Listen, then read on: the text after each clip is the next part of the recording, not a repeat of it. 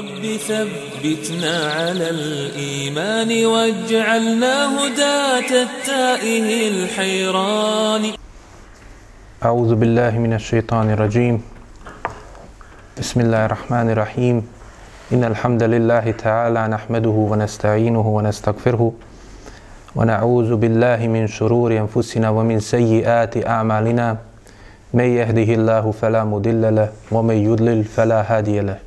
واشهد ان لا اله الا الله وحده لا شريك له واشهد ان محمدا عبده ورسوله ارسله الله تبارك وتعالى بالهدى ودين الحق ليظهره على الدين كله وكفى بالله شهيدا ثم اما بعد svaka zahvala pripada Allahu subhanahu wa ta'ala njega slavimo, njega veličamo od njega pomoć tražimo njemu se utječemo zla naših duša i naših loših dijela. Od njega oprosta tražimo za naše prestupe i grijehe. Neka je salavat i selam na njegovog posljednjeg poslanika, njegovog miljenika, njegovog odabranika Muhameda sallallahu alihi wasallama, koji je pečat vjerovjesnika i poslanika i prvak Ademovih potomaka. Neka je salavat i selam na njegovu časnu porodcu, sve njegove plemenite ashabe i oni koji slijede njihov put do sunnjega dana. A zatim, prošli put smo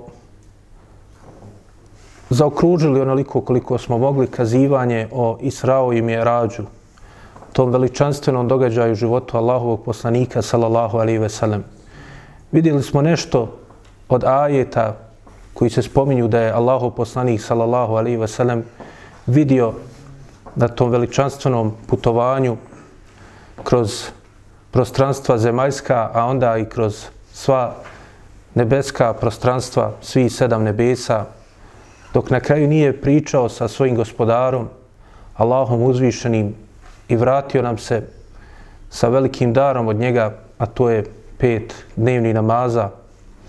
Allahov poslanik, sallallahu alaihi wasallam, Allah uzvišeni ga je time htio da učvrsti, pomogne na putu istine, da njegov iman učini još jačim, još čvršćim, spremnijim i radosnijim da proširi Allahu subhanahu wa ta'ala riječ među ljudima, Allahu uzvišenu istinu. I doista Allahu poslanih sallallahu alaihi ve sellem takav je bio nakon toga, još odlučniji i spremniji da širi Allahu subhanahu wa ta'ala vjeru kao što smo ispomenuli samo kazivanje, spominje se u nekim ajetima i rekli smo da u prvom ajetu sure Isra, Allah uzvišeni nam spominje to, likom se nam, noćno putovanje. Iz njega možemo izvući jedan konačni zaključak iz svega toga što se desilo Allahom poslaniku, sallallahu alaihi ve sellem, a to što je Allah uzvišeni tu rekao nam da je on njegov rob, Dakle, u tom najveličanstvenijem događaju koji Allah uzvišeni kaže da je slavljen on koji je preveo svoga roba u jednom času noći Subhanallazi esra bi abdihi lejlem min al mesjidil haram ila al mesjidil aksa alladhi barakna hawlahu li nuriyahu min ayatina innahu huwa samiu basir samiju basir. Allah uzvišeni dakle kaže slavljen neka je onaj i uzvišen i savršen je i potpun i o njemu sve ovisi i svi su potrebni njega subhanahu wa ta'ala uzvišenog Allaha, uzvišenog i slavljenog gospodara našeg koji je, kaže, preveo svoga roba. Dakle, u tom najveličanstvenijem događaju Allahu poslanih, sallallahu alaihi ve sellem, Allah ga je okarakterisao i izdvojio njegovu jednu osobinu, jedan naziv za njega koji je najbolji naziv izvlači se iz toga zaključak da je to najbolji naziv za jednog čovjeka, a to da je on Allahov rob. I zato je Allahov poslanik Muhammed sallallahu alaihi ve sellem kao što i svjedočimo da je on Allahov poslanik i Allahov rob. Dakle, to je taj njegov položaj. Nije rekao preveo je svoga Resula, svoga poslanika, nego je rekao preveo je svoga roba. Zato što je to nešto najuzvišenije što jedan rob može da dostigne u svome životu. Da budeš Allahov rob, To je nešto najbolje što može se desiti u tvome životu. Da to, dakle, istinski dostigneš taj stepen i da po tome postupaš. Jer pogledajmo sve što je vidio Allahov poslanik, sallallahu alaihi wasallam, u tome što je doživio u noći Isra i Rađa. Sva ta veličanstvena čuda i čudesa koja je vidio na nebesima, sve one ajete koje je vidio, to što je uzdignut kroz sva ta nebesa, što je samo preveden u jednoj noći iz Mekije do Kuca, a treba ljudima u tom vremenu, jel, mjesec dana hoda da prođu taj put, pa onda da vidi sva ta nebesa i da bude dostignu stepen do kojeg nije mogao više ni Džibril da ide. Pa je onda jel, i pričao sa svojim gospodarom i uzdignut je, kao što je Isa, ali salam, uzdignut, počas koja je ukazana Isau, ukazana mu i počas koja je ukazana Musau, što je pričao sa Allahom uzvišenim. Pa dakle, sastavljene su mu počasti poslanika i sreo je najodabranije poslanike. Na kraju je predvodio namazu. Vidio je i dženet i neke od dženetskih uživanja pripremljenih za njihove stanovnike. Da je vječna kuća uživanja već spremna. Samo čeka svoje stanovnike. Već je određeno gdje će ko boraviti Allahovom subhanahu wa ta'ala milošću i blagodarnosti koju on daruje svojim robovima, ali dakle svojim robovima, kao što je i džehenem pripremljen. Prošli put smo greškom rekli dakle da džehenem koji je pripremljen kaže jede jedan dio samog sebe. Spomenuli smo da to je nakon toga Malik, melek koji čuva, džehenem se požali Allahu na to, ali ispravno je kao što je jedan brat ukazao prošli put na kraju, za oni koji nisu čuli, dakle da džehennem se sam požali Allahu uzvišenom, kao što je došlo u hadisu kod Buhari i muslima, što ukazuje jel, da Allah uzvišeni daje svoju, svojom voljom čak i da džehennem, znači jedno mjesto da progovori, kao što je čovjeku dao da progovori, Allah uzvišeni je sve moguć, potpun. Pa dakle, kada si Allahov rob, onda si svjestan da si potreba njega, kada je Allahov poslanik sallallahu alaihi ve sellem vidio ta sva veličanstvena čudesa na nebesima, onda je shvatio koliko je ovisan o Allahu. Kada je vidio veličanstvenost Džibrila alaihi selam sa šesto krila, kada je vidio veličanstvenost drveta Sidretul Munteha, kada je vidio veličanstvenost neki od meleka, koliko su oni ogromni, poput meleka koji drže arš, koliko su snažni i moćni, kada je vidio sva ta čudesa i sve tu, su tu Allahu snagu, onda je postao svjestan i učvrstilo se ubjeđenje u Allahovom poslaniku da je on ovisan na njemu, da je potreban Allaha uzvišenog. Pa je onda, jel, to ga još više ojačalo i to je više mu povećalo njegovu vezano za Allaha uzvišenog. I da će ga neminovno Allah uzvišeni pomoći. Onaj koji je svemoćan, sa kojim nema ništa nemoguće, onda će te on sigurno pomoći. I to je, jel, između ostalog jedna bilo od poruka poslaniku sallallahu alejhi ve sellem kroz to sve što je vidio. Pa se je vratio sa namazom da učvrsti i da održava i ojačava svoju vezu sa Allahom uzvišenim. Dakle, da ustrajava na tome. Kao što smo ispominjali od samog početka Islama poslaniku sallallahu alejhi ve sellem posebno, dakle, ostalo je naređeno čak i da noćni namaz mu je bio obavezan da klanja. Pa je, dakle, onda smanjeno, kao što smo spominjali, da ne mora čitavu noć. Dakle, ukazuje da je to jel, najvažnija energija, najvažnija snaga u kojoj će naći jedan Allahov rob da ustraje. Zato je Allahov poslanik, sallallahu alaihi wasallam, kako je došlo u hadisu kod Buhari, kada nam je prenio, prenio, prenio riječi od Allaha uzvišenog u hadisi kuciju, dakle, u kojem Allah uzvišeni kaže da objavljuje rat onome koji uznemirava njegovog evliju, znači njegovog štićenika. Pa Allah uzvišeni ne ostavlja prostor ljudima da razmišljaju, da oni filozofiraju, da misle ova je evlija ili ona je evlija, nego Allah uzvišeni kao da se postavlja pitanje a ko je evlija pa onda kaže a evlija to su oni kaže koji neće ništa bolje raditi, neće mi se ničim boljim približavati osim toga da mi jel, izvršavaju ono što sam im ja naredio. Ali tu rekao i neće mi se, kaže, moj rob približavati ničim viš, što više volim od onoga što sam mu ja propisao, to jest naredio. Što obuhvata, jel, kada se kaže propisao iftarade, znači da je sve što je Allah uzvišeni propisao i naredio, dakle, i od onoga što je naređeno da radimo, i od onoga što je naređeno da to ostavimo. Dakle, i od onih naređenih stvari, od dva šehadeta, i ono što je pravo ta dva šehadeta, la ilaha illallah Muhammedu Rasulullah, i što je proizilazi iz njih, pa onda namaz, pet dnevni namaza, pa onda svi ostali ruknovi islama i ostala naređena djela, a također jel, i zabranjeni grijesi, prije svega nevjerstvo i, i širk, a onda nakon toga i oni veliki grijesi i ostali grijesi koje Allah uzvišen i zabranio. Pa dakle, to je nešto najbolje i to je nešto što čini jel, evliju istinsku, koji ustrajava u činjenju tih stvari. Jer dalje Allah uzvišen i kaže, kaže, a kaže, neće mi moj rob, ponovo ističe to da je on Allahov rob. Dakle, ta je vlija. čak imam Buharija ovaj hadis spomenuo u poglavlju o tevadu, o poniznosti, skromnosti, što ukazuje poniznost da čovjek nije ohol, da sta vjernik, on će biti ponizan pred ljudima, ponizan kod Allaha uzvišenog, pa će ga onda Allah uzvišeni uzdići. Pa kaže, neprestano će mi se taj rob približavati, što ukazuje jel, na neprestano ustrajavanju u činjenju dobrih dijela, ponavljanju tih dobrih dijela, svaki dan, svaki, svaku noć, pet vakat namaza, do kraja tvoga života. Neprestano ću se približavati sa nafilama, sve kaže do ga ja ne zavolim.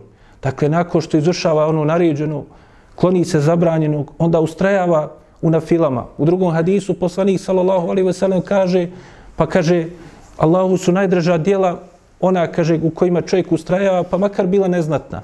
Nemaš vakta za puno dobrih dijela da činiš na fila, ali možeš makar nešto. Možeš ustrajavati na makar nešto učenja Kur'ana, makar nešto zikrenja i spominjanja Allaha uzvišenog. Ponekad makar da ustrajavaš u odabranim danima, da postiš i tako dalje. Pa kaže, neprestano će se približavati sve dok ga Allah uzvišeni zavoli. Pa kad ga zavoli, onda on bude njegove, kaže, njegov sluh koji on čuje, njegov vid kojim on vidi, njegova ruka kojom on nešto uzima i dohvaća, njegova noga kojom on kroči. Kaže, ako mi bude tražio, ja ću mu, kaže, dati. Ako mi traži zaštitu, ja ću ga zaštititi. Dakle, bit će na takav način Allahov štićenik. To jest, Allah uzvišeni će i svoju kosmičku volju kojom je odredio sve da se dešava i događa, da čovjek živi pa umire, a onda također jel, i da se dešavaju neke stvari koje čovjek ne voli, a iz druge strane njegova šerijatska volja, to je da voli neke stvari, da je neke stvari naredio, kod tog njegovog roba da će da to bude istovjetno, da, dakle da se usmjeri sve da njemu bude u njegovu korist. Iako će biti izložen sa iskušenjima, ali sve to da se pokaže ko je istinski vjernik. Pa dakle, Allahu poslanik, sallallahu alaihi ve sellem, je kroz ovaj praktičnu veliki veličanstveni događaj to doživio i s time se vratio. Pa dakle, kada pogledamo taj namaz, dakle pet vakat namaza svaki dan do kraja tvog života, upravo ukazuje na ovo spomenuto, da čovjek ustrajava na činjenju dobra, da se približava Allahu uzvišenom, da traži puteve propisane, da mu se što više približi. I tako ćemo vidjeti jel, da je čovjek u najvrijednije mjesto u tom namazu. Zato što taj namaz, kao što je poslanik, sallallahu alaihi ve sellem, bio uzdignut iznad sedam nebesa, tako i čovjek ima priliku kroz taj namaz da se uzdiže Allahu uzvišenom, da se približava Allahu uzvišenom, da je to njegov simbolički mjerađ u kojem se približava Allahu subhanahu wa ta'ala, traži od njega, razgovara s njim, a nakon toga, jel, najbliže mjesto gdje je Allahu uzvišenom jeste na seždi. Dakle, u tom namazu i to u dijelu tog namaza kada je čovjek na seždi. Dakle, tad si najbliži zemlji, ali istinski ti si tada najbliži Allahu uzvišenom. Tad si najponizniji pred Allahom uzvišenim, ali si istinski najuzvišeniji i najponosniji sa time, što se približavaš svome gospodaru, što si jel, ostvario to da budeš Allahov rob. Pa dakle, to je ono sa čim je se vratio Allahov poslanik, sallallahu alaihi veselem. Nakon toga vidjeli smo njegovi stanovnici, stanovnici Mekke i njegovi sugrađani, njegove porodica, oni njegovi poznanici, većina nije to prihvatila da se desilo Allahovom poslaniku, sallallahu alaihi veselem.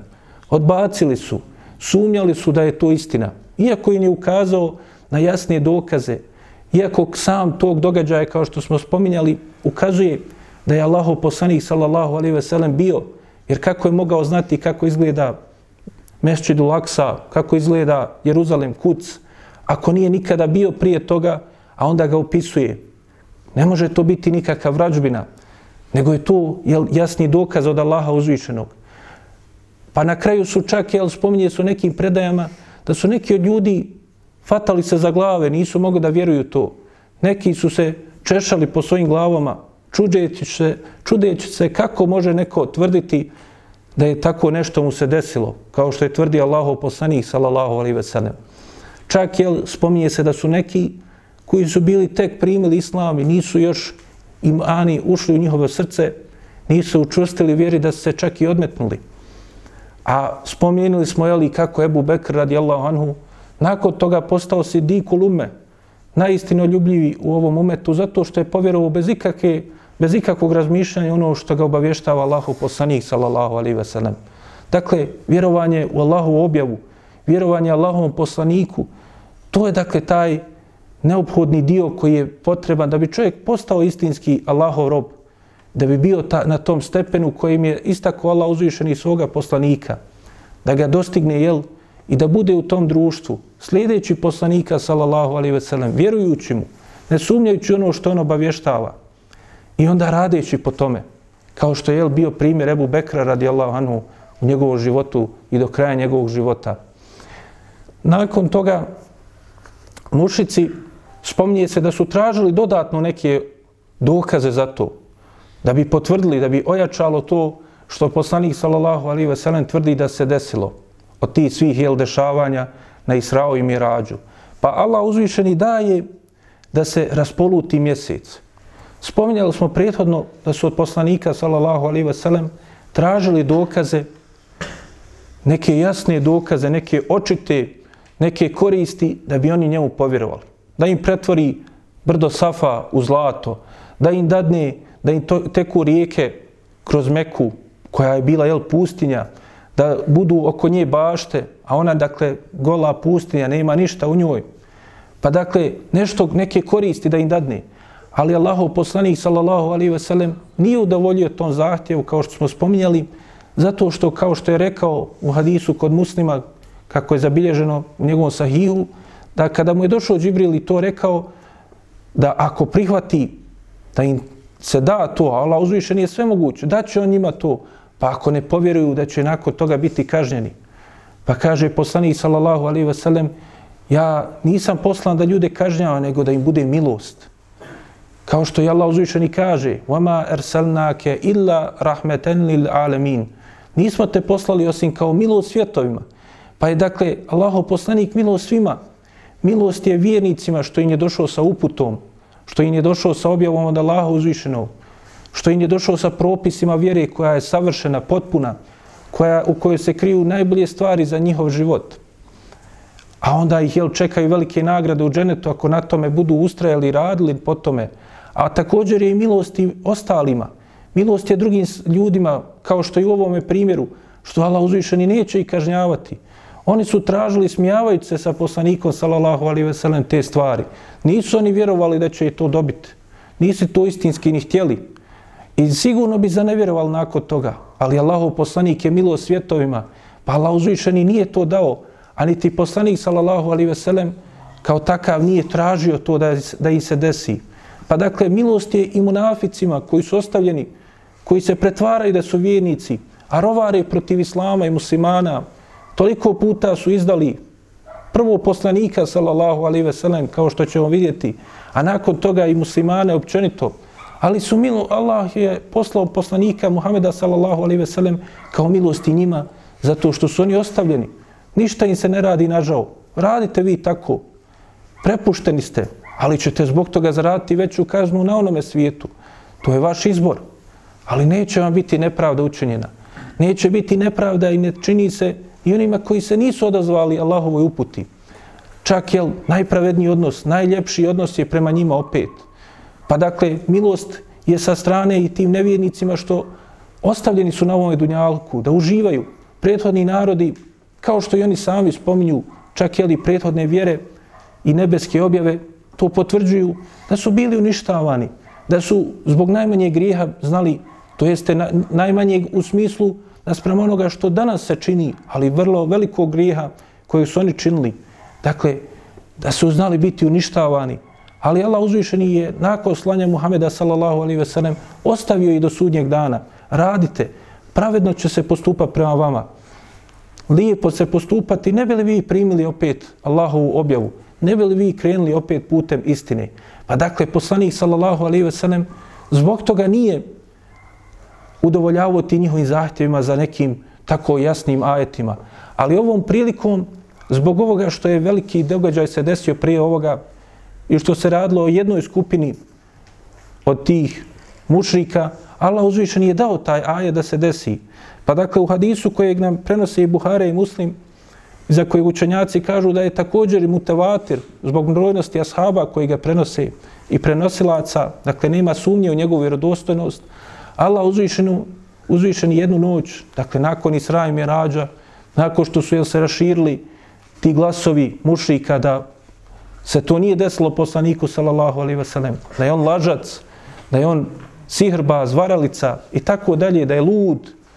Allah uzvišeni daje to jednoj skupini da kada je poslanik sallallahu alaihi sellem bio s njima u mjestu Mina, dakle jednom od svetih mjesta na kojima se obred, obredi i hađa obavljaju, i na uzvišenju na mini kada je bio, rekao je ni u jednoj noći, pogledajte prema mjesecu.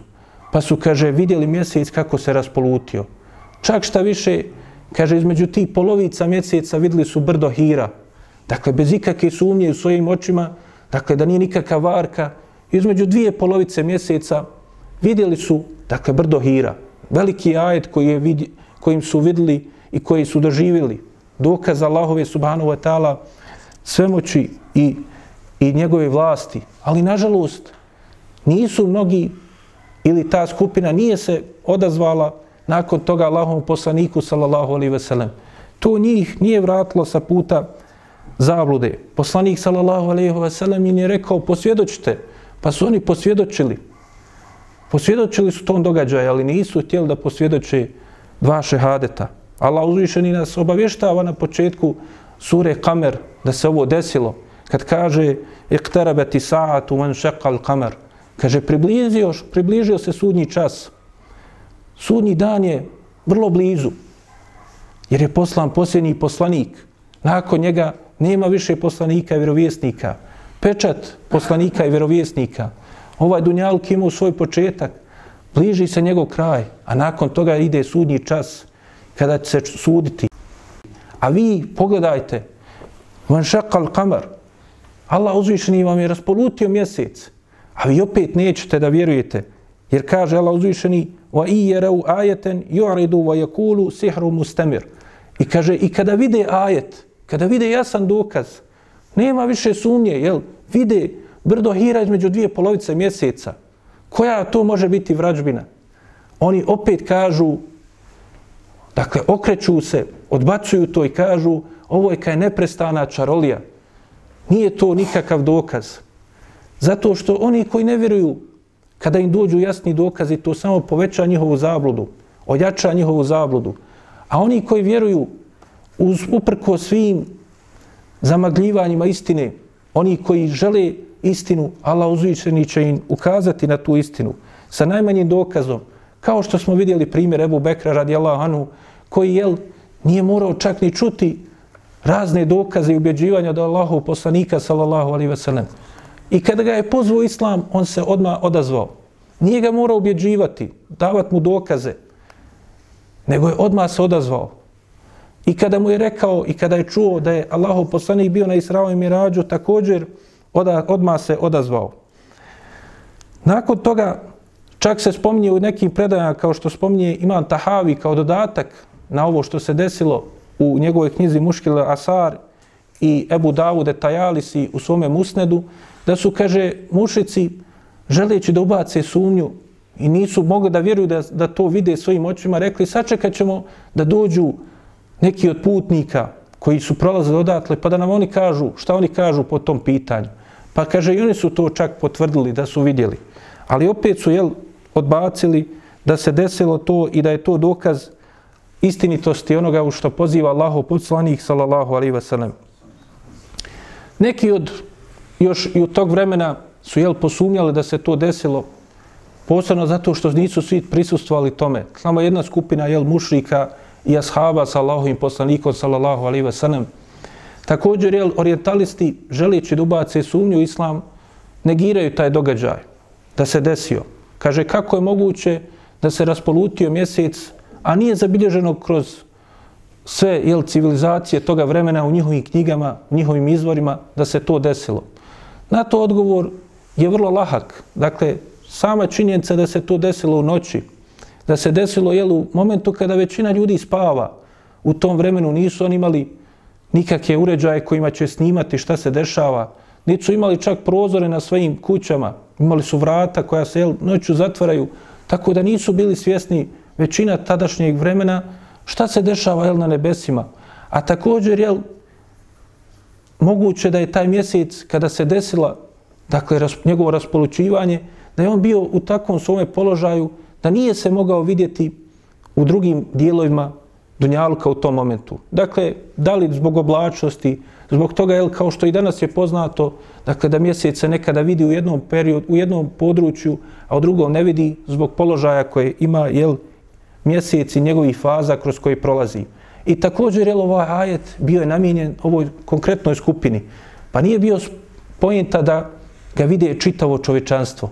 A i u sve to čak opet naće se u nekim izvorima na području Indije i u drugim područjima, dakle istočnije od Mekke, da su neki istoričari jel, tog vremena zabilježili da su nešto čudnovato vidjeli po pitanju mjeseca. Pa dakle, to je slab dokaz onima koji žele time da naštete islamu, da islam je došao sa nečim što je nemoguće da se desi. A mnoštvo jel, dokaza drugi nalaze na koje ne mogu da odgovore. Pa jel se fataju onda za slamčicu da bi na, na taj način ubacili sumnju u islam. Ali dakle, nema sumnje da je ovaj događaj se desio, jer nam prenose ashabi Allahov poslanika, sallallahu alaihi wa sallam, da se desio i mi u to vjerujemo i ne sumnjamo nikako. Nakon toga poslanik sallallahu alaihi ve sellem počeo je da predočava, odnosno nastavio je da predočava, ali sada sa većim žarom i većom energijom islam plemenima koja su dolazila u Meku radi umre ili hadža. Dakle, bili su periodi u godini, prije svega je period hadža i periodi kada su dolazili u svetim mjesecima, na primjer, kada su dolazila razna plemena i posjećivala Meku zbog obavljanja obreda hadža ili umre, zbog trgovine, Pa je poslanik sallallahu alaihi ve sellem sva ta plemena od samog početka jel kada je javno počeo pozivati još četvrte godine po poslanstvu kao što smo spomenuli nastavio je svako, svake godine u tim periodima da ih poziva.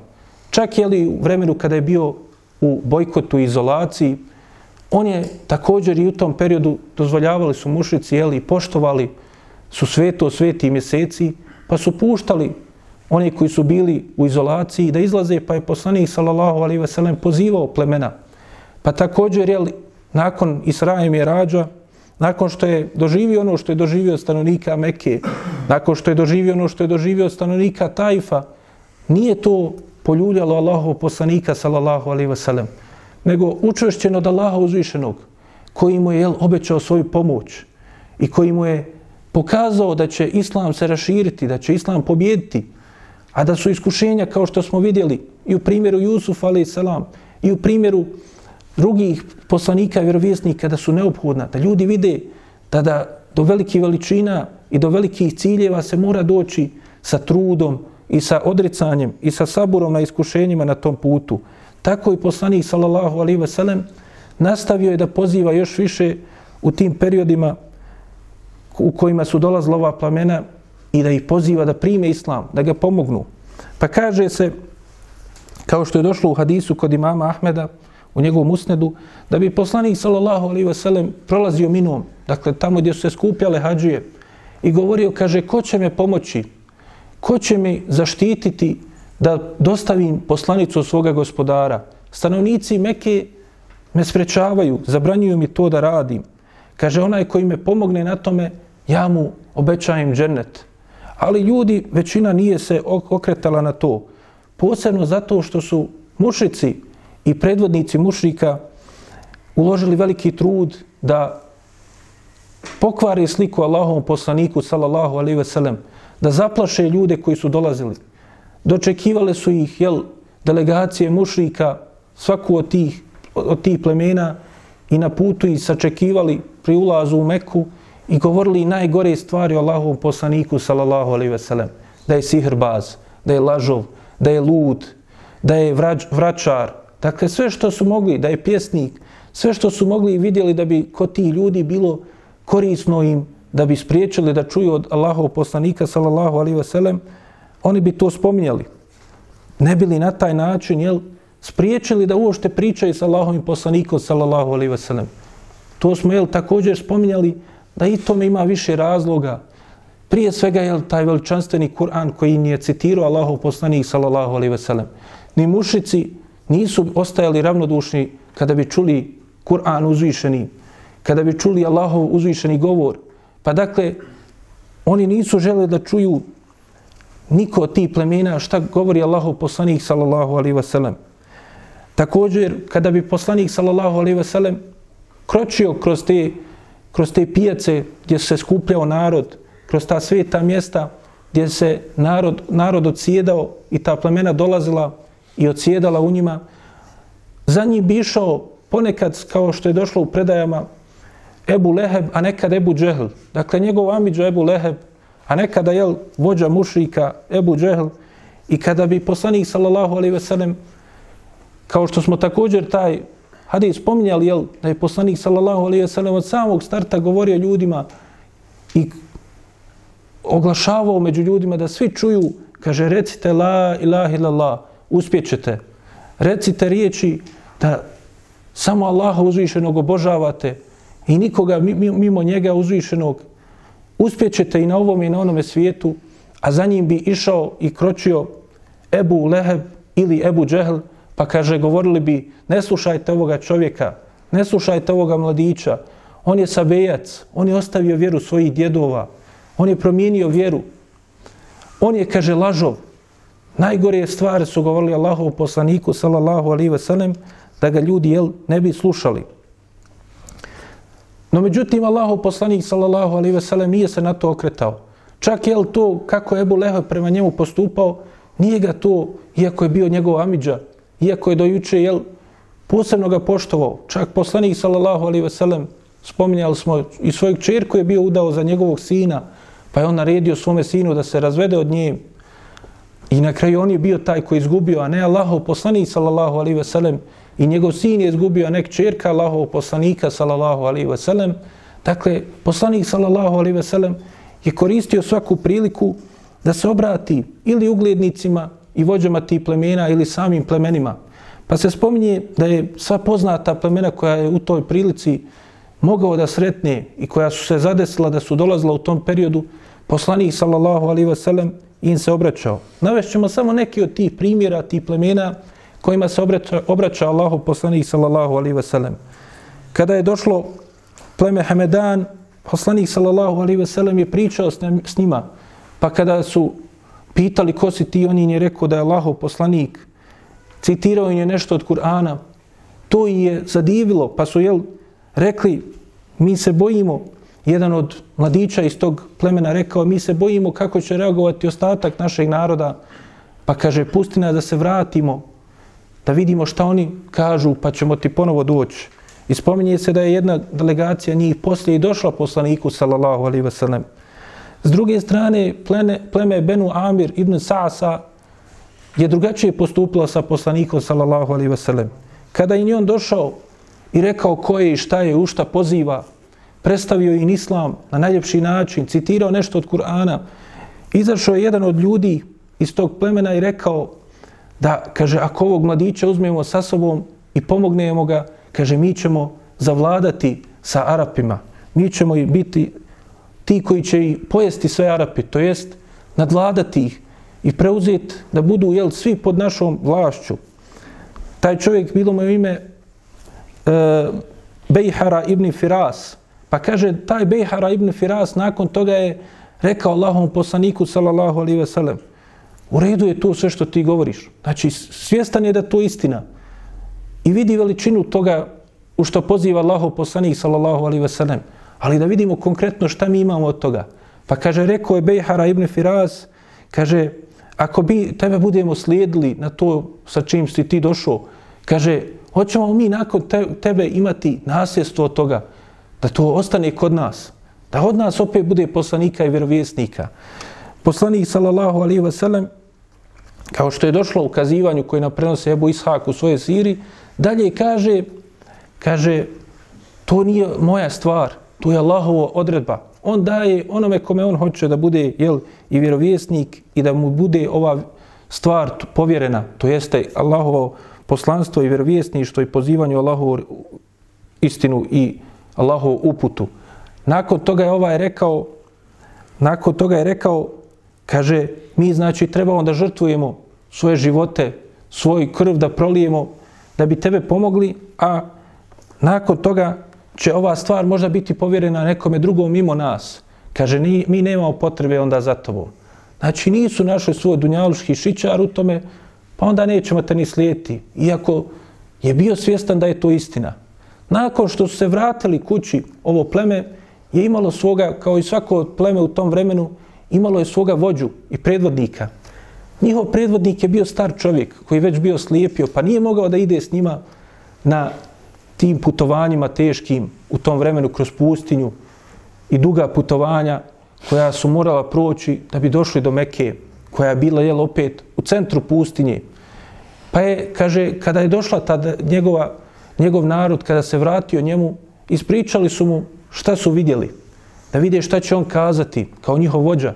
Pa kada je čuo šta je uradio ovaj Bejhara i kako su odbili Allahov poslanika, sallallahu alaihi ve sellem, kaže, nije mogao vjerovati šta se je desilo. Pa je rekao, kako ste vi glupost napravili? Da li vi, kaže, znate da od sinova Ismailovih, to jeste Ismaila, sina Ibrahima, Allahovi poslanika, kaže, nikada se nije pojavio lažac koji je lažno tvrdio da je on Allahov poslanik i vjerovjesnik. Vi ste, kaže, učinili sebi veliku štetu i nepravdu. I nije mogao, jel, da prežali zašto su oni tako postupili i zašto su odbili da slijede poslanika Muhameda sallallahu alaihi ve sellem i da ga pomognu. Nakon toga Allaho poslanik sallallahu alaihi ve sellem sreo se i sa plemenom Kinde. To pleme je također bilo veliko i poznato pleme koji su bili prepoznatljivi po tome što su jel, imali jaku snagu i moć. Pa kaže, čak su oni povjerovali kada su čuli ono što je obavijestio Allahov poslanik sallallahu alaihi ve sellem. Ali su također rekli moramo pričati mladići iz tog plemena jel, koji su povjerovali, moramo pričati sa našim vođama da vidimo šta će oni reći. Pa su se vratili kući, ali nažalost njihov predvodnik i njihov vođa je zabranio da se vrate Allahovom poslaniku sallallahu alaihi wa sallam, sljedeće godine, u sljedećem jel, hađu ili periodu kada je sreo poslanik sallallahu alaihi wa sallam, pa da pred njim prime islam i izvrše obećanje koje su obećali. S druge strane, pleme Benu Hanife, koje će imati posebnu ulogu i poslije u događajima koji će doći pred kraj života Allahovog poslanika, sallallahu alaihi ve sellem, i nakon njegove, njegovog preseljenja sa ovoga svijeta, oni su, kaže se, ispominju učenjaci, poput Ebu Isaka i drugi, da su oni na najgori način odbili Allahov poslanika, sallallahu alaihi ve sellem. Ismijali su ga, izbacili iz svojih šatora i na najgrublji način nastupili prema Allahovom poslaniku sallallahu alaihi ve sellem zato što je pozvao u islam. Iz plemena Abes, koji je, e, Abs, koji je također bilo poznato pleme toga vremena, spominje se slučaj jednog čovjeka, a to je Mejsera ibn Mesruk el-Absi. Ovaj čovjek, kada mu je poslanik sallallahu alaihi ve sellem i njegovom plemenu izložio islam i citirao nešto od Kur'ana, nije se želio odmah odazvati Allahovom poslaniku, sallallahu alaihi sellem. zbog raznih razloga kako će njegov narod nastupiti prema njemu, šta će uraditi ili neće uraditi ako bude slijedio islam. Pa kaže, poslanik, sallallahu alaihi sellem prepoznao je nešto u Mejseri, da on želi istinu, ali dakle, zbog tih okolnosti nije prihvatio. I tako je i ostalo i vratio se i nije prihvatio islam, ali je onda pred kraj života Allahov poslanika sallallahu alaihi ve sellem na oprosnom hađu došao Mejsere poslaniku sallallahu alaihi ve sellem i sreo se s njim ponovo pored Kaabe, ponovo u Mekki, sreli su se na oprosnom hađu Allahov poslanika sallallahu alaihi ve sellem i kaže on je primio islam i rekao Allahovom poslaniku sallallahu alaihi ve sellem od momenta kada smo se sreli bio sam željen da primim islam da te slijedim ali Allah uzvišeni je želio da ja tek sada primim islam. I onome što je Allah uzvišeni odredio je bilo i dobro za njega. Pa kaže nakon toga kaže on je postao dobar i cijenjen i poštovan musliman. Allahu poslanik sallallahu alejhi ve sellem je rekao hvala Allahu koji me počastio da mojim sebebom, mojim uzrokom ti budeš izbavljen iz vatre. I kao što je jel, kazivanje o njemu spomnju mnogi učenjaci, između ostalog i Ebu Nuaymu Delailu Nubuve Ibn Kesir u svojoj poznatoj istoriji El Bidajeva Nihaje.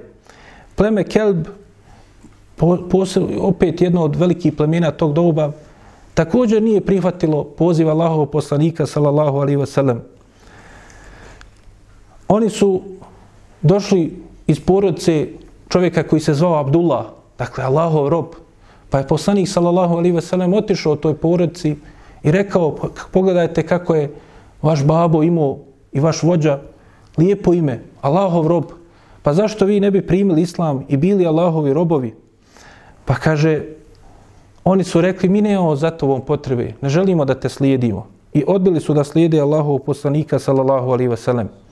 S druge strane, pleme Benu Šejban su došli iz velikih daljina. Oni su bili u području na istoku Arabskog poluotoka i graničili su sa Perzijskim, Perzijskom imperijom i carstvom, velikim carstvom i imperijom toga doba. I bili su u zavisnosti od njih, bili su pod njihovom nekim vidom njihove vlasti.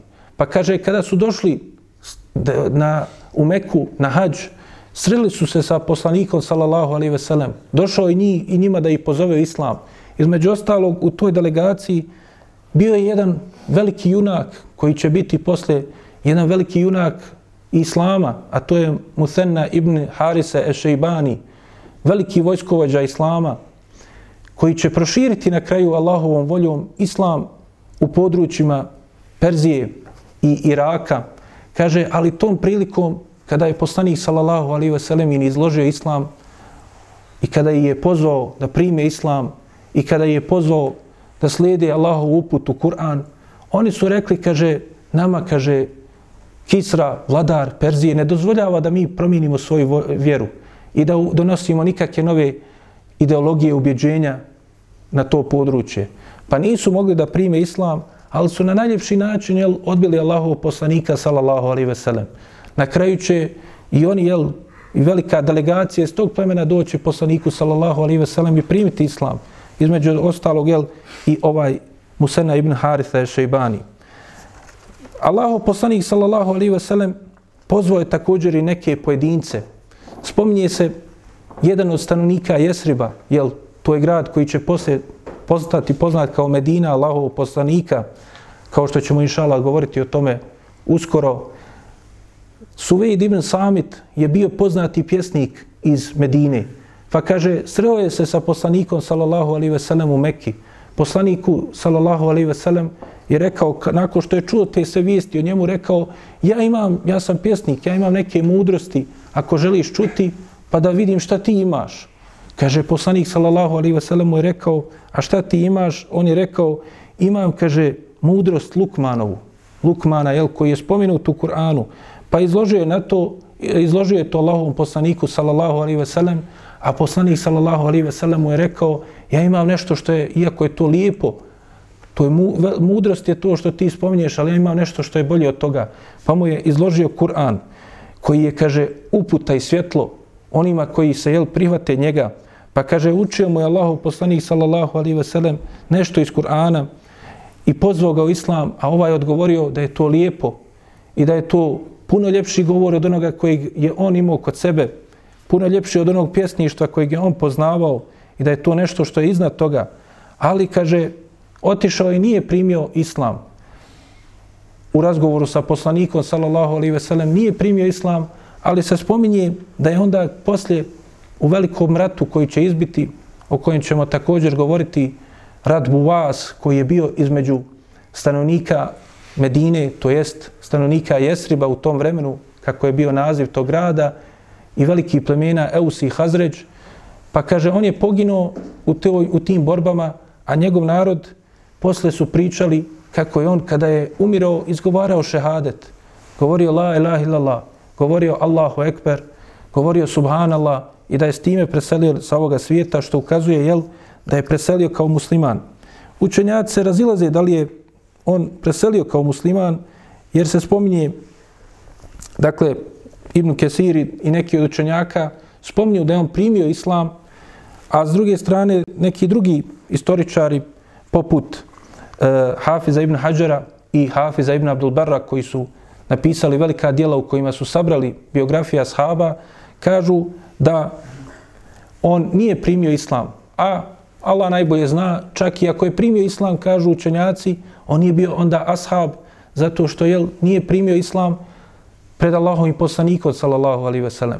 Ashab je onaj koji je primio islam i vjerovao u poslanika, sallallahu alaihi ve sellem, sreo ga makar na jedan moment i s njim se susreo i pred njim jel, sreo ga kao musliman, a onda jel, kaže, na tome preselio. Pa ova jel, nema tog jednog od tih uvjeta. Dakle, nije, iako je primio islam i umro na islamu, nije jel, povjerovao poslaniku, sallallahu alaihi ve sellem, u momentu kada se sreo sa njim. Također ima zanimljivo kazivanje o još jednom poznatom pjesniku i poznatom misliocu čak i čovjeku koji je bio čak i liječnik u jednu ruku u tome vremenu, a to je Dimad ibn Sa'lebe el-Ezdi. On je bio prijatelj Allahov poslanika, sallallahu alaihi ve sellem, još prije jel, Islama. Susretao se sa Allahovim poslanikom, sallallahu alaihi ve sellem, i poznavao ga je. Dok je poslanik, sallallahu alaihi ve sellem, jel, bavio se trgovinom i bio poznat u Mekki kao što smo spominjali, samo po dobru. Pa kaže, kada je ponovo došao u Meku, nakon što je poslanik, sallallahu alaihi ve sellem, počeo pozivati u islam, nakon što je počeo da mu objava, kaže, mušici su mu došli i rekli, kaže, nemoj slušati šta govori Muhammed, sallallahu alaihi ve sellem. On je, kaže, pocijepao našu vjeru. On je, kaže, uništio naše snove. Razdvojio je naše porodce. On je naša božanstva vrijeđao. On je, kažu ovi, čak i naše mrtve rekao da su oni u zabludi zato što su umrli na širku. Pa kaže, nemoj slušati šta on govori. Doista je taj čovjek bez ikakve sumnje lud. Ali ovaj čovjek bavio se rukijom, bavio se liječenjem. Pa kaže, liječio je od džinskog dodira. I rekao je, ako je tako kako vi kažu, a znajući ga jel, još od prije islama, da ja odem popriča s njim, možda ga ja uspijem izliječiti, da mu ponudim svoju pomoć. Ako je doista jel, u toj nekoj ludosti, neka bolest ga ufatila, pa da mu Allahovom voljom ja pomognem. Pa kaže, otišao je da priča sa Allahovim poslanikom, sallallahu alaihi wasallam.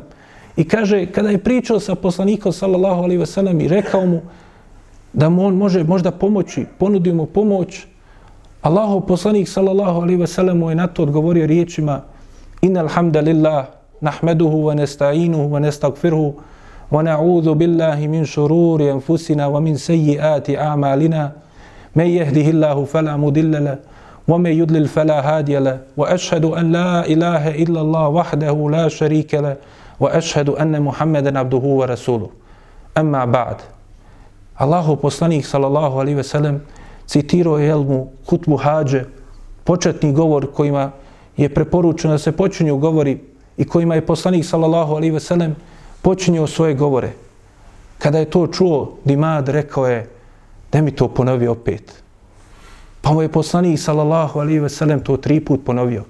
Kaže, u prevodu, jel značenja toga, doista Allahu pripada svaka zahvala njega slavimo i njega veličamo, od njega pomoć tražimo, njemu, od njega tražimo oprost za naše grijehe, njemu se utječemo zla naših duša i naših loših dijela, koga Allah uputi, nikoga u zabludu ne može odvesti, koga Allah u zabludi ostavi, nikoga na pravi put ne može uputiti. I svjedočim da je Allah uzvišeni jedini istinsko božanstvo koje zaslužuje da se obožava i koji nema sudruga. I svjedočim da sam da je Muhammed njegov njegov rob.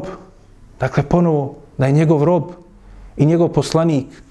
A zatim završio je tim riječima Allahov poslanik sallallahu alaihi ve sellem, pa kaže ovaj je tražio da mu ponovi poslanik sallallahu alaihi ve sellem, pa mu je tri put ponovio. Pa je onda ovaj rekao, doista poznajem, dakle bio je cijenjen, iskusan čovjek, učen čovjek, rekao je, doista poznajem govor pjesnika, govor sihrbaza, doista poznajem, kaže, govor vračara, znam ko su ludi ljudi, ovo nije to. Govor Allahov poslanika, sallallahu alaihi ve sellem, je iznad govora ljudi. A šta onda je tek sa Allahovim govorom? Dakle, slijedženje Kur'ana i Sunneta, to je nešto što najbolje može čovjek učiniti za sebe. U tome uputa za njega. I tako i ovom čovjeku, jel, nakon toga nije preostalo ništa drugo nego da kaže daj mi svoju ruku, Allaho poslaniće, da ti dadnem prisegu na islamu. Pa kaže poslanik, sallallahu alaihi ve sellem, rekao je mu je, a i kaže i za svoj narod, kaže daje mi za svoj narod prisegu. To jest, daje prisegu da će i svoj narod pozvati u Allahovu subhanahu wa ta'ala vjeru. I tako je učinio. I pozivao je pleme Ezd, radi Allahu anhu, ovaj cijenjeni ashab. Također spominje se i interesantan slučaj Tufejla ibn Amra, Edeusija. Spominjali smo dakle da neki od tih ljudi, Allah najbolje zna u kojem periodu su primili islam. Spominje se Ebu Zer el-Gifari koji je, kao što smo vidjeli već u samom startu, u, u samim početcima pozivanja Allahov poslanika, sallallahu alaihi ve sellem, primio islam. Oko Tufejla ima razilaženje kad je tačno bilo, Allah najbolje zna da li je bilo u ovom periodu ili još čak prije toga, ali se spominje da Tufejl ibn Amr je također došao u Meku jednom prilikom, a on je bio cijenjeni čovjek iz svoga plemena, plemena Deus, koje je bilo veliko i cijenjeno i uticajno pleme u Jemenu. Pa kaže, on je došao u Meku svojim poslom i onda je, kaže, dočekala ga ta delegacija mušrika i rekla mu, nemoj slušati šta govori ovdje jedan naš mladić, on je lud, on je uništio naše snove, on je on vrijeđa naša božanstva, on je, kaže, razdvojio između muža i supruge, između bra, dvojce braće napravio je razdor, između plemena napravio je razdor, razne stvari su mu rekli, nemoj, kaže, slušat njegov govor, nego, kaže, začepi dobro uši ako čuješ da on počne nešto da priča. Pa, kaže, ovaj se toliko prepao da je uzeo, kaže, komade vate od pamuka i, kaže, stavio svoje uši bojeći se da neće gdje slučajno sresti tog vrača, tog sihrbaza, tog lažova, tog pjesnika koji svojim govorom zavodi ljude, to jeste Allahov poslanika Muhameda sallallahu alaihi ve sellem.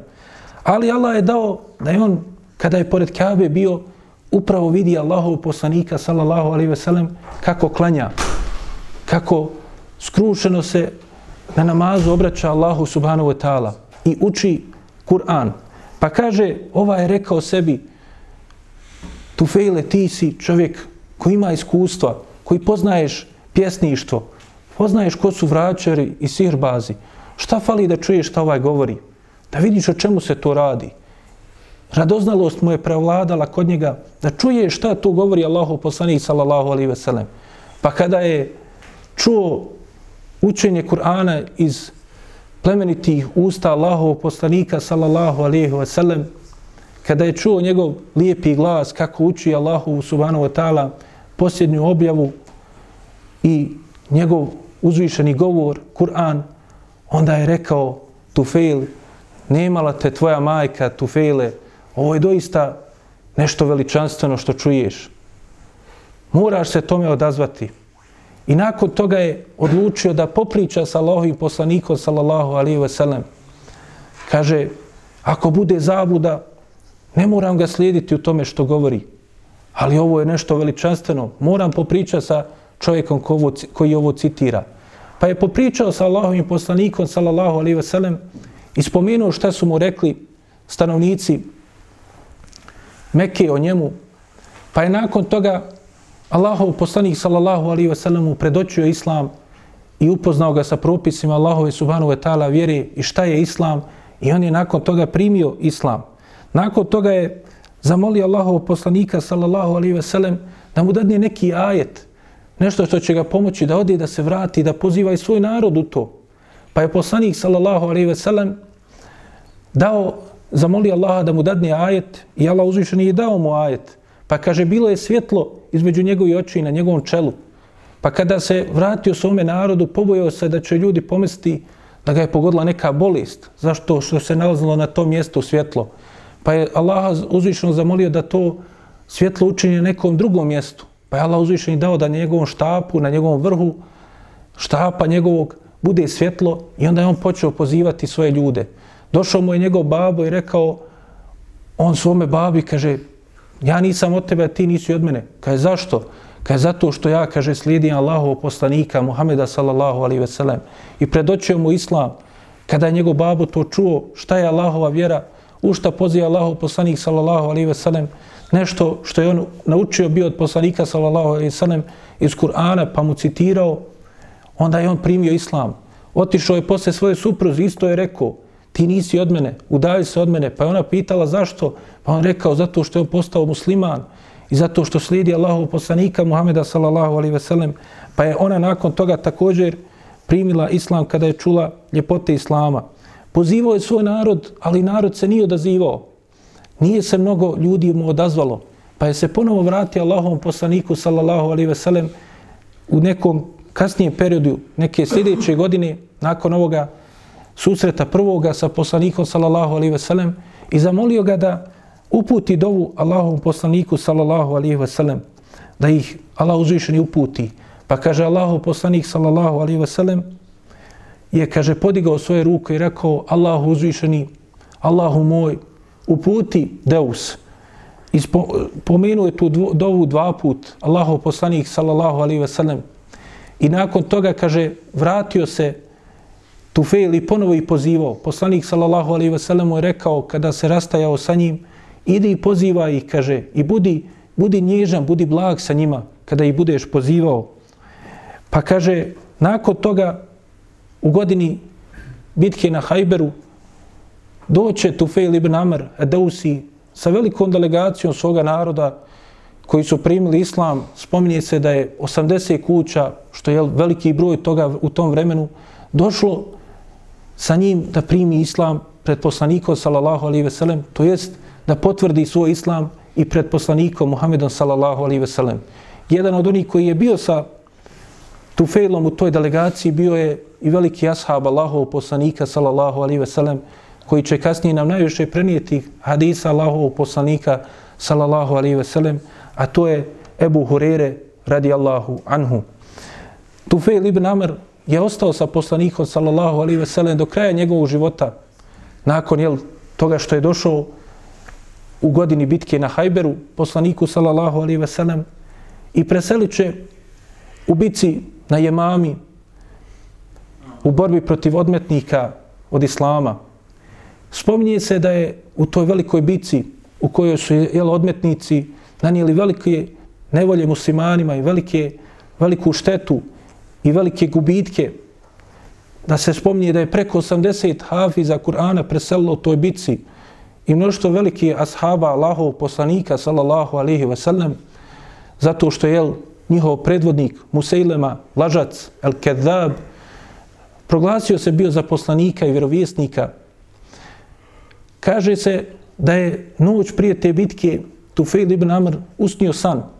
Usnio je kako je obrijane glave, kako, kaže, iz njegovih usta izlazi ptica i ulazi u polni organ žene. I kako njegov sin traži nešto od njega, a on mu kaže, nije vrijeme još uvijek za tebe. Pa kaže, kada je bio dan bitke, kada je osvanuo Tufel, ispričao je svojim drugovima šta je usnio. Pa su ga upitali kako se to protumačio. On je rekao, kaže ona obrijana glava, to je da će mi glava danas biti skinuta. Kaže, ona ptica što je izletla iz usta, to je moja duša koja će izaći iz mene. Ona, onaj polni organ žene u koji će ući, to jeste ući u zemlju, vratit će se i bit ću ukopan na ovome mjestu ono što je moj sin zatražio, a Allah uzvišeni jel, nije dao i nije, nisam mu se mogao odazvati, to jeste da i on ide sa mnom zajedno, Allahu uzvišenom. Pa kaže, on neće danas preseliti u ovoj bitci. I kaže, tako je bilo, preselio je kao šehid Tufejl ibn Amr, a njegov sin će poslije u bici na Jermuku preseliti također kao šehid, dakle, Allah uzvišeni nije htio da tada preseli, nego u hilafe Tomera ibn Khattaba radijallahu anhu preselit će u velikoj bici na Jermuku. Dakle, to su samo neki od primjera oni koji su primili islam u ovome periodu i kako su reagovale jel, ta plemena prema onome što je pozivao Allahu poslanik sallallahu alaihi ve sellem. Kazivanje od Tufailu ibn Amru el e, Deusiju spominje i Buharija i Muslim u svojim sahihima, a ima Ahmed neki od ovih dodatnih detalja, kazivanje od Imanu ibn Salebi, spominje ima Muslim u svome sahihu. Dakle, vjerodostojna kazivanja o samo neki od tih pojedinaca koji su primili islam. Nakon toga će doći i druga neka plemena o kojima ćemo išala drugim, drugim put govoriti, ali iz ovoga što smo do sada videli možemo izvući neke koristi za nas. Dakle, Allahov poslanik sallallahu alaihi wasallam koristio je svaku priliku da pozove ljude u Allahu subhanahu wa ta'ala vjeru. Dakle, bili su različita plemena mu dolazila iz raznih krajeva i sa krajnjeg sjevera i krajnjeg juga tadašnjeg arapskog poluotoka. Neki su na najgori način reagovali, neki su bili blaži, neki će se poslije odazvati, a nisu u tom prilikom. Iz ovoga svega vidimo kako je Allahov poslanik sallallahu alaihi ve sellem sa Allahovom objavom Kur'anom pozivao te ljude. Kako je, jel, citirajući Kur'an, vraćajući na Allahovu uzvišenu objavu, pozivao da prime islam. Pa su svi oni nisu mogli ostati ravnodušni na taj Allahu subhanahu wa ta'ala govor. Ali neki su se odazvali, ali neki nisu. Neki su bili za upute, a neki nisu. Poslanik sallallahu alaihi ve sellem je sve mudro i na lijep način sa blagošću pozivao. Želio je da probudi kod njih tu njihovu, dakle, junaštvo koje je bilo poznato kod Arapa. Zato je govorio, kaže, ko će me, ko će me pomoći, ko će mi e, dati zaštitu, jer mi stanovnici Mekke zabranjuju da širi Allahu, eh, Allahu istinu i Allahu objavu. Pa dakle, želio je kod njih da probudi to junaštvo. Tražio je načina, jel, i to je ogled, u tome se ogleda njegova mudrost. Ono što će jel, pomoći da ti ljudi na najbolji način shvate ono u što ih on poziva. Također, Allahu poslanik sallallahu alaihi ve sellem vidimo istrajavao je i ustrajavao na tom putu. Toliko godina pozivao, toliko su ga odbijali, na takve načine postupali i stanovnici Mekke i Tajfa, i stanovnici i, i, i pripadnici ovih plemena, kao što vidimo, većina su ga odbila, ali to poslanika, sallallahu alaihi ve sellem, nije zaustavilo na putu pozivanju Allahu subhanahu wa ta'ala vjeru. Nije klonuo na tom putu, nego je ustrajao. I takav inače treba da bude zaključak i poruka za nas je odnos među vjernicima, da se neprestano postiču na dobro. Ne znaš ti kada će neko jel, primiti riječ istine, kada će se neko tvome savjetu odazvati. Allahov poslanik sallallahu alaihi ve sellem jel, vidimo imao najbolja iskustva u tome. Dakle, to što je ustrajavao, pa na kraju, nakon godina pozivanja, neki su se odazvali. Neki će se odazvati i od ovih stanovnika Mekke koji su mu neprijateljstvo to učinili, vidjet ćemo kroz razne etape, odazivaće se. Također, od velike mudrosti od ovoga svega što se desilo Allahom poslaniku sallallahu alaihi ve sellem i kako je on postupao to što nam poslanik sallallahu alaihi ve sellem ukazuje na vrijednost i blagodat sigurnosti i sigurnih mjesta i stabilnosti u nekom mjestu i prilike da se širi Allahova subhanahu wa ta'ala vjera u tim mjestima. I da je poslanik sallallahu alaihi ve sellem žudio da nađe tako mjesto. Pa mu je Allah uzvišeni kao što mu je Israo i Mirađu rađo i obećao i dao i simbolično mu ukazao da će naći to mjesto, na kraju će i naći Allahovom voljom. Ali to je blagodat koju treba štititi, koju treba čuvati, zahvaljivati na nju. Najbolje se zahvaljuje na toj Allahove blagodati što se koristi da se dostavi Allahova vjera i što se jel, čuva da se ne izgubi ta blagodat. Allahov poslanik sallallahu alaihi ve sellem vidimo u svemu tome je doživio velika, veliki ezijet, velike nedaće, i uznemiravanja, čak i od onih koji su bili iz njegove familije. Pa Ebu Leheb je išao je za njim, čak se spominje da je bacao prašinu ili zemlju za njim i govoreći i ukazujući na njega da je on na zabludi. Čak se spominje da i kamen je bacao za poslanikom sallallahu alaihi veselem. A njegov amidža znao je ko je i šta je on i kakva je osoba. ali zato što je odbio istinu, tako je postupao. Zato što je njegovo srce bilo napunjeno zabludom, a ne istinom. Pa kaže poslanik sallallahu alaihi ve sellem bi nastavljao, ne bi se okretao, ne bi se upuštao u raspravu sa njim, nego je nastavljao i širio Allahu subhanahu wa ta'ala vjeru. Njegovo srce Allah uzvišen je zapečatio. Ne, nije gubio vrijeme na njega. I to jel govori da takav odnos iz toga treba jel izvući svaki vjernik. Dakle, kada vidi da takva je neka osoba, ne treba prepuštati, dopuštati joj da negativno utiče na njega, gubiti vrijeme na nju. Ali to se jel gleda sprem svake osobe po na osob. Dakle, to nije generalno pravilo. Mi znamo jel, da je Allah uzvišen još od samog starta objavljivajući suru El Mesed zapečatio srce Ebu Leheba i on se više jel, ne bi mogao pozvati i dozvati istini nakon što mu je Allah uzvišen i zapečatio srce. A s druge strane vidjet ćemo jel, da iako je Allahova pomoć zakasnila u nekim slučajevima i trebalo vremena da prođe i da neki se tek poslije odazvali Allahovom poslaniku sallallahu alaihi veselem, on nije gubio nadu, on nije klonuo na tom putu. Pa spomenuli smo jedan slučaj Musenne ibn Harisa i Šeibanija, koji tom prilikom sa svojim plemenom nije mogao se odazvati poslaniku sallallahu alaihi veselem, ali poslije Allahovom voljom se odazvao. Poslije je primio islam. I Allahov poslanik, jel, sallallahu alaihi veselem, nam ukazuje, dakle, te nedaće su neminovne da se desi. Neminovano je da bude sabura u strajnosti na putu istine. Ali nakon toga, jel, onaj koji ustraje, on će uspjeti na ovome i na onome svijetu. Iz ovoga također jel, vidimo najbolji odgovor onima koji kažu da poslanik Muhammed sallallahu alaihi ve sellem je bio poslan samo Arapima. Činjenica da je on pozivao plemena koja su bila i sa juga i sa zapada arapskog polotoka i ona koja su bila dio Perzijskog carstva ili dio Bizantijskog carstva govori i potvrđuje ono što nam je Allah uzvišeni obavijestio nas u Kur'anu gdje kaže ja ejuhan nas, kul ja ejuhan nas, reci o ljudi, inni rasulullah ilaikum džamija. Kaže, reci o ljudi, ja sam vama svima Allahov poslanik. Pa dakle, poslanik sallallahu alaihi wasallam vidimo jel, da je svima poslan i sve je pozivao istinu i da je nepravda i lažna njegove ashabe da su oni zbog želje, želje za vlašću, za imetkom, za nadmoći na Dunjalku, oni išli i širili islam po Dunjalku. Ne, nego su oni samo ispunjavali i nastavljali misiju kojom je podučio Allahov poslanik sallallahu alaihi ve sellem da raširi Allahu subhanahu wa ta'ala vjeru u svim tim područjima dok je došao islam. A iz ovoga što su jel mušici govorili ovim ljudima koji je sretao Allahov poslanik sallallahu alaihi ve sellem, ovim plemenima, vidimo kakav je postupak uvijek bio i ostao oni koji se suprostavlja istini.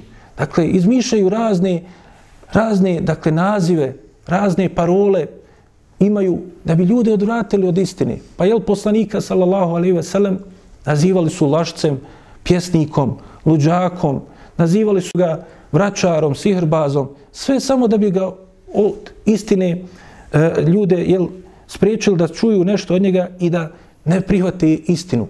Tako se odnose i odnosit će se uvijek prema onima koji pozivaju Allahu subhanahu wa ta'ala vjeru.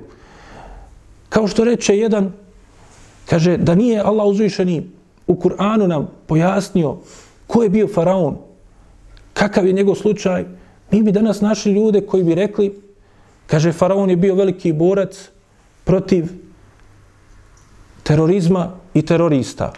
Bio neki narod koji je se digao protiv vladara, koji je želio vlast, predvodio i neki terorista Musa, ali i salam, I oni su željeli jel, da preuzmu vlast. Da nam to nije u nebeskim svim objavama objašnjeno ko je faraon i šta je predstavljio, vjerujte da bi bilo i oni koji bi danas i njega poštovali cijelni kao jednog od velikih boraca protiv terorizma. I takle, ta parola je ostala i ostaće. Sam Allah uzvišeni nam spominje kako je sam faraon nastupao. Pa kaže, kale, e, kale firaun, zaruni aktul Musa, wal jeda rabbe. Kaže, Faraon je rekao, kaže, pustite me, kaže, da ubije Musa. I kaže, neka onda on moli svoga gospodara da mu pomogne.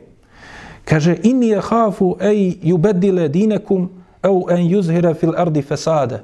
Kaže, ja se bojim da će on vama promijeniti vjeru ili da će raširiti na zemlji fesad, nered.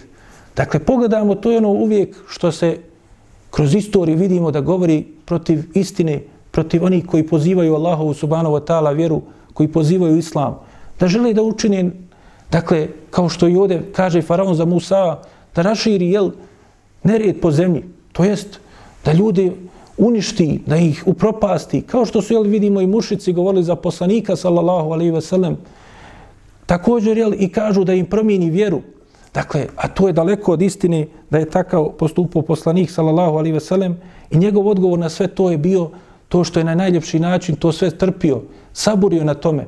Tome nas je podučio. Blago postupao prema svim tim i prelazio preko, preko mnogih njihovih nedostataka i onoga što su radili ne, nepravedno prema njemu, sallallahu alihi wasallam. A oni, dakle, laži i potvore koje, iznos, koje su iznosili, poslanik, sallallahu alaihi ve sellem je pojašnjavao, pojašnjavao, otklanjao i, dakle, ono što bi oni lažno pripisali islamu i ustrajavao u pozivanju u Allahovu subhanahu wa ta'ala vjeru. A dakle, od Allahove mudrosti je što je dao, dakle, kao što smo videli na primjeru Dimada ibn Salebe, dao je da oni koji su spletkarili, da im se spletke vrate. Allah njima spletke pravi, a on je najbolji u tome. Pa je, dakle, oni su rekli da je poslanik, sallallahu alaihi ve sellem, lud, pa je Allah uzvišeni dao da Dimad, koji je bio poznat kao čovjek koji lu, liječi lude ljude da primi islam. Allahovog poslanika Musa, faraon, je želio da uništi. Usnio je san i znao se da će se pojaviti poslanik i da će se pojaviti mladić koji će iz, biti iz Beno Israila i koji će uništiti njegovu vlast. Pa kaže, ubio je mušku djecu od Benu Israil, od jevrija, a ostavljao žensku da bi spriječio da se rodi taj koji će biti, jel, taj mladić koji će to da uništi njegovo carstvo i njegovu vlast. Ali Allah uzvišeni na tu njegovu spletku dao je da je Allah uzvišeni dao da Musa ali sa nam odraste upravo na njegovom dvoru. Da on bude dijete koje je njegova majka pustila niz vodu, pa je onda njegova supruga Faraonova ga našla, pa je Faraon Allah uzvišeni uzvratio na njegovu spletku da je Faraon odgojio upravo Musa alaih salam, da je on odrastao na njegovom dvoru, da je ga on svoj metak trošio da bi na kraju, jel, Musa alaih salam uništio njegovu vlast, njegovu nepravednu vlast. Pa dakle, Allah uzvišeni će pomoći Allahovu subhanahu wa ta'ala vjeru. I na kraju, jel, poslanik sallallahu alaihi ve sellem, kao što ćemo vidjeti sljedeći put, inšala, doće mu delegacija plemena koji će prihvatiti ono u što ih on poziva i koja će s time steći to da budu oni koji će biti ensarije, pomagači Allahove subhanahu wa ta'ala vjere. Dakle, pleme ljudi koji će doći iz Jesriba, iz Medine, koji će primiti islam i onda prihvatiti Allahov poslanika, sallallahu alaihi ve sellem, kod sebe i nakon veliki nedača koji su oni doživjeli, vidjet će uspjeh i na ovome svijetu, što će i ti nedaće biti otklonjene od njih. Molim Allaha subhanahu wa ta'ala da nam poveća ljubav prema Allahovom poslaniku, sallallahu alaihi veselem. Molim ga subhanahu wa ta'ala da nas učini od istinskih sljedbenika njegovog suneta. Molim ga subhanahu wa ta'ala da pomogne muslimane na svakom mjestu, da im se smiluje, da popravi njihovo stanje. Molim ga subhanahu wa ta'ala da uputi nas i naš narod. Amin. Subhanak Allahumma bihamdika shalla la ilaha illa anta astaghfiruka wa atubu ilayk. رب ثبتنا على الإيمان واجعلنا هداة التائه الحيران.